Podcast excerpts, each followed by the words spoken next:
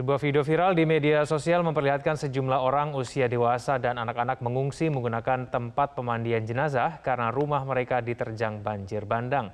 Tidak ada korban jiwa dalam musibah banjir akibat meluapnya sungai di desa Penangkian, Kecamatan Lubuk Sandi, Kabupaten Seluma, Bengkulu ini.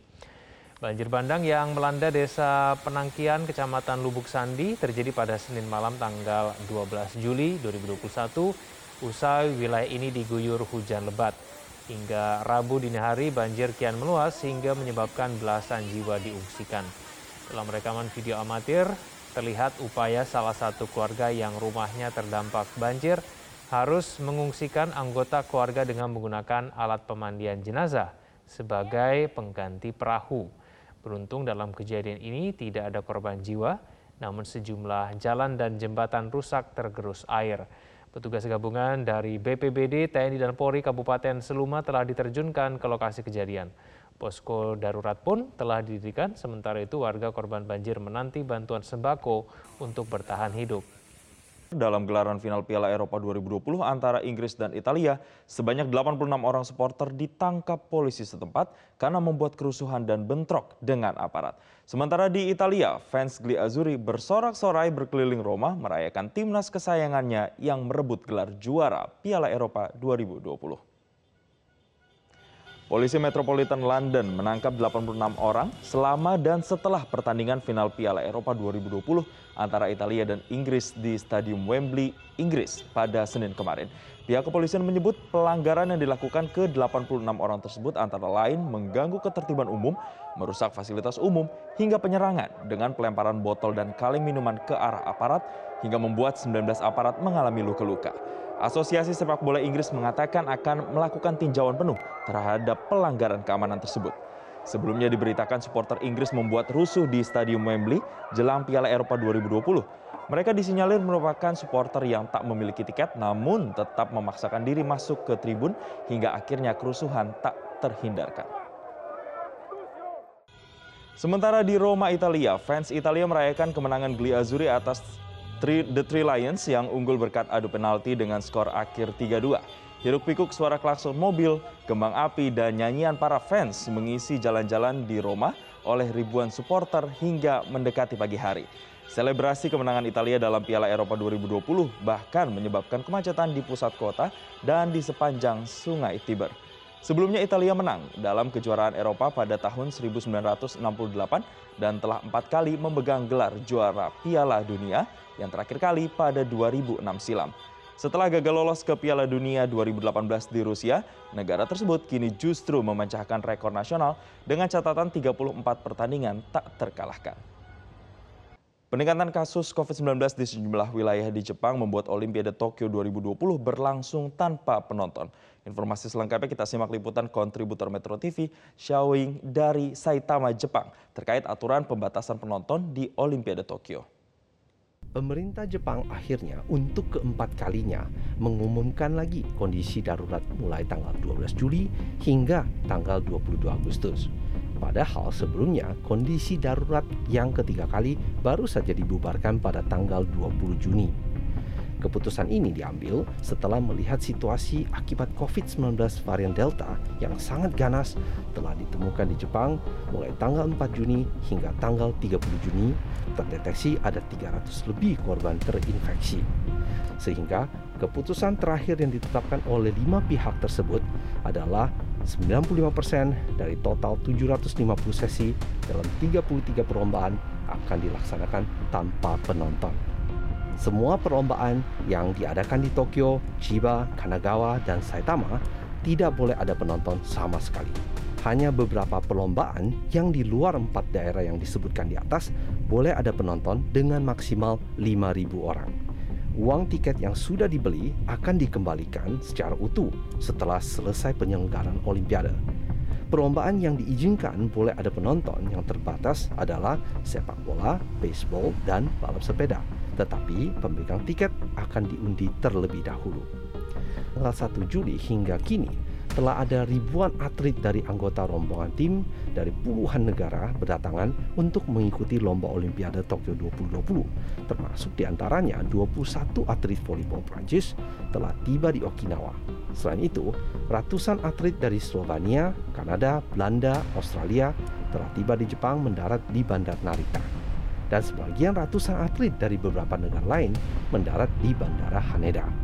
Dari total ribuan atlet yang telah tiba di Jepang, terdeteksi ada beberapa atlet yang terinfeksi COVID-19. Di antaranya, satu atlet Israel terdeteksi terinfeksi COVID-19 saat tiba di Bandara Haneda. Kita ke informasi lain, pemirsa Jepang mengumumkan ibu kota Tokyo dan prefektur Okinawa masuk dalam keadaan darurat COVID-19 dua pekan menjelang pembukaan Olimpiade Tokyo 2020.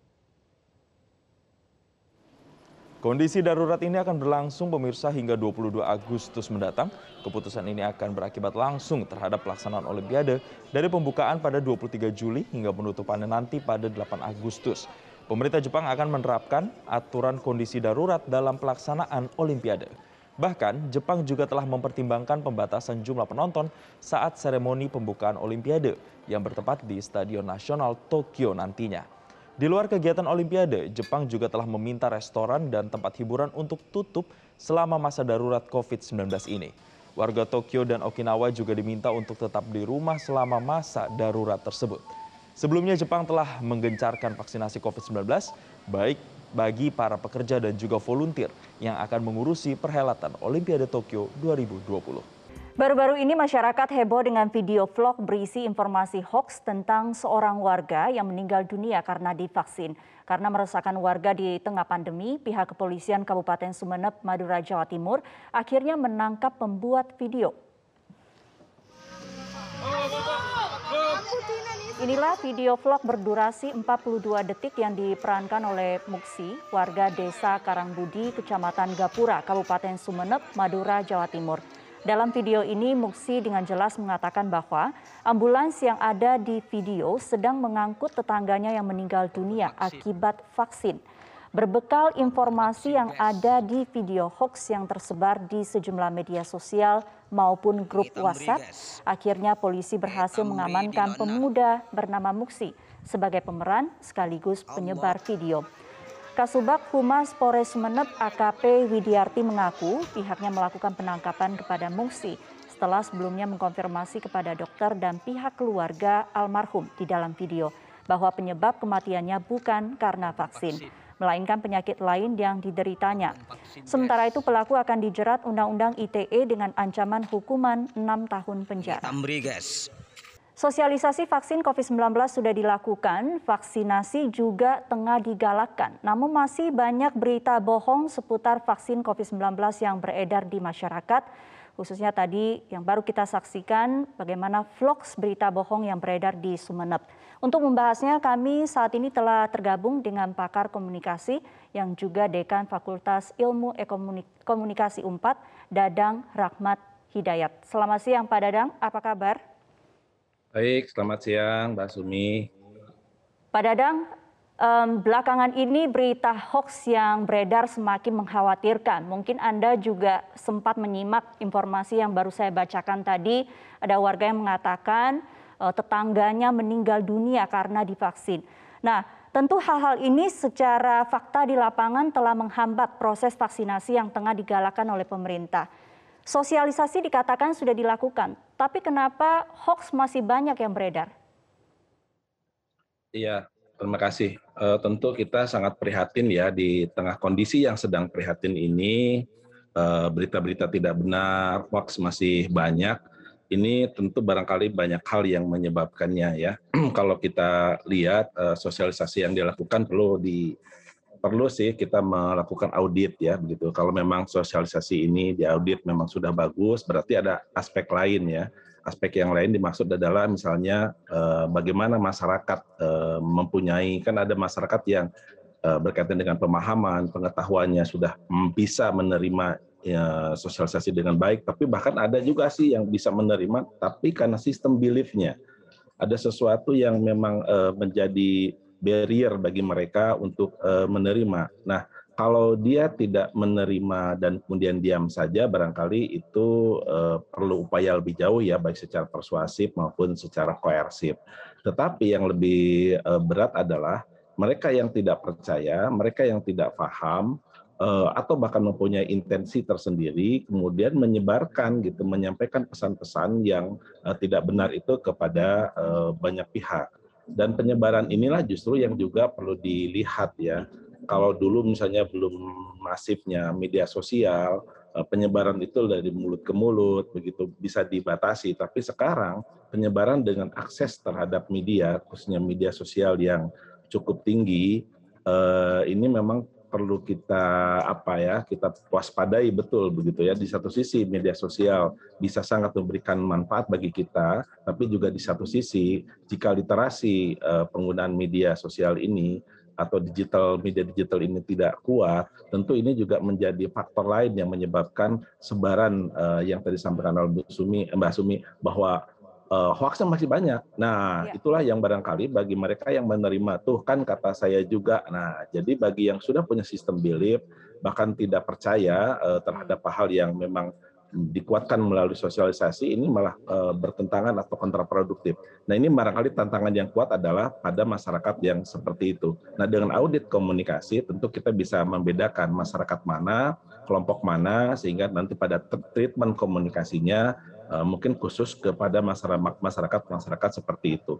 Kalaupun dalam konteks sistem belief yang sangat kuat di antara mereka, ya paling tidak mereka tidak menyebarkan. Itu aja sih sebetulnya kalau ya, saya lihat. Ya. Kominfo bahkan setiap hari menurunkan ribuan ya konten uh, hoax yang beredar di media sosial. Belum lagi yang lolos dari uh, pantauan dari Kominfo. Kalau menurut Anda pendekatan yang tepat itu seperti apa? Strategi yang tepat apakah dengan uh, menjerat dengan hukum ITE itu langkah yang tepat atau mungkin counterbalance uh, Pak Dadang? Ya, uh, saya sih lebih memandang secara holistik ya. Jadi uh, komprehensif ya baik itu kan penegakan hukumnya atau counterbalance yang istilah Mbak Sumi tadi saya pikir tepat juga. Artinya dengan secara holistik uh, pertama uh, kita tidak segera membiarkan dan bahkan penjeraan terhadap uh, penggunaan uh, ITE ya gitu ya. Uh, itu kalau perlu betul-betul disampaikan juga gitu, tidak hanya diam-diam saja. Ya seperti sekarang misalnya lewat media ya bahwa ada masyarakat yang melakukan tindak uh, yang diduga tindak pidana atau pelanggaran terhadap ITE, ya sampaikan bahwa implikasi terhadap pelanggaran uh, menyebarkan hoax itu uh, seperti itu. Nah, kedua yang secara holistik ini tentu uh, kita tidak tidak boleh lelah dan saya pikir harus kolaboratif ya, kolaboratif secara menyeluruh. Saya melihatnya ada tiga, uh, paling tidak uh, pertama secara struktural, secara struktural pemerintah sudah melakukan itu melalui jejaringnya dengan komando komunikasinya.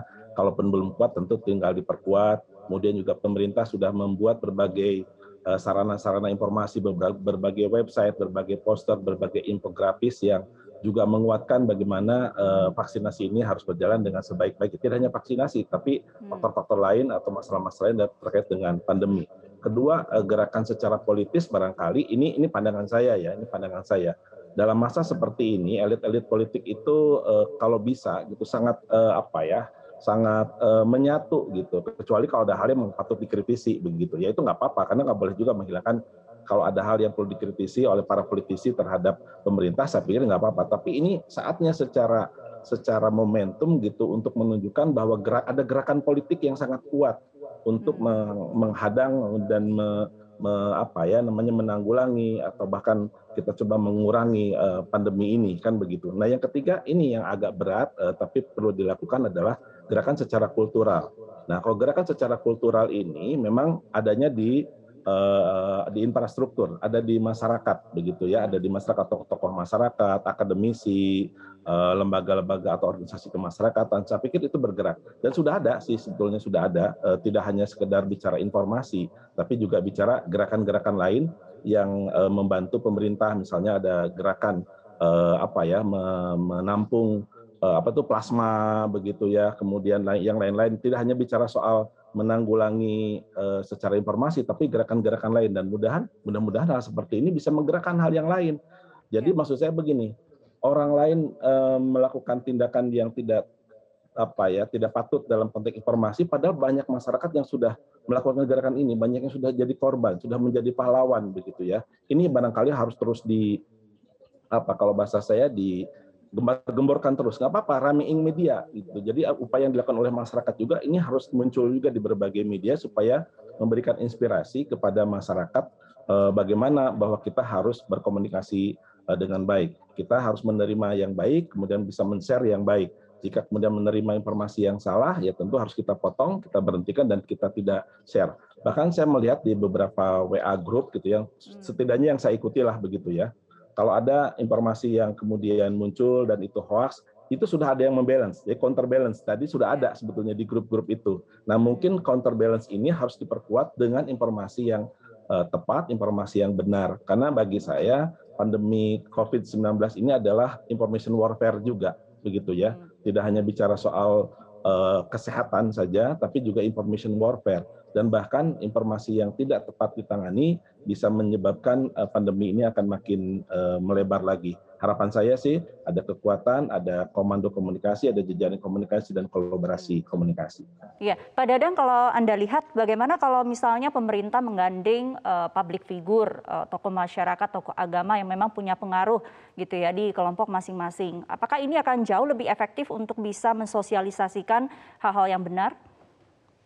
Ya, secara teori itu baik dan benar gitu ya. Jadi eh, dalam konteks berbagai konsep teo, eh, komunikasi itu dengan menggunakan komunikator yang eh, tepat ya, antara lain public figure, tapi public figure-nya yang punya kredibilitas ya, kredibilitas atau bahkan kalau sekarang udah punya follower yang banyak, punya kredibilitas yang baik kan begitu ya. Kemudian disiapkan eh, apa namanya pesan-pesan rancangan eh, pesan yang baik kepada yang bersangkutan begitu ya dan juga ya kalau dia sebagai public figure harus menjaga apa ya performanya.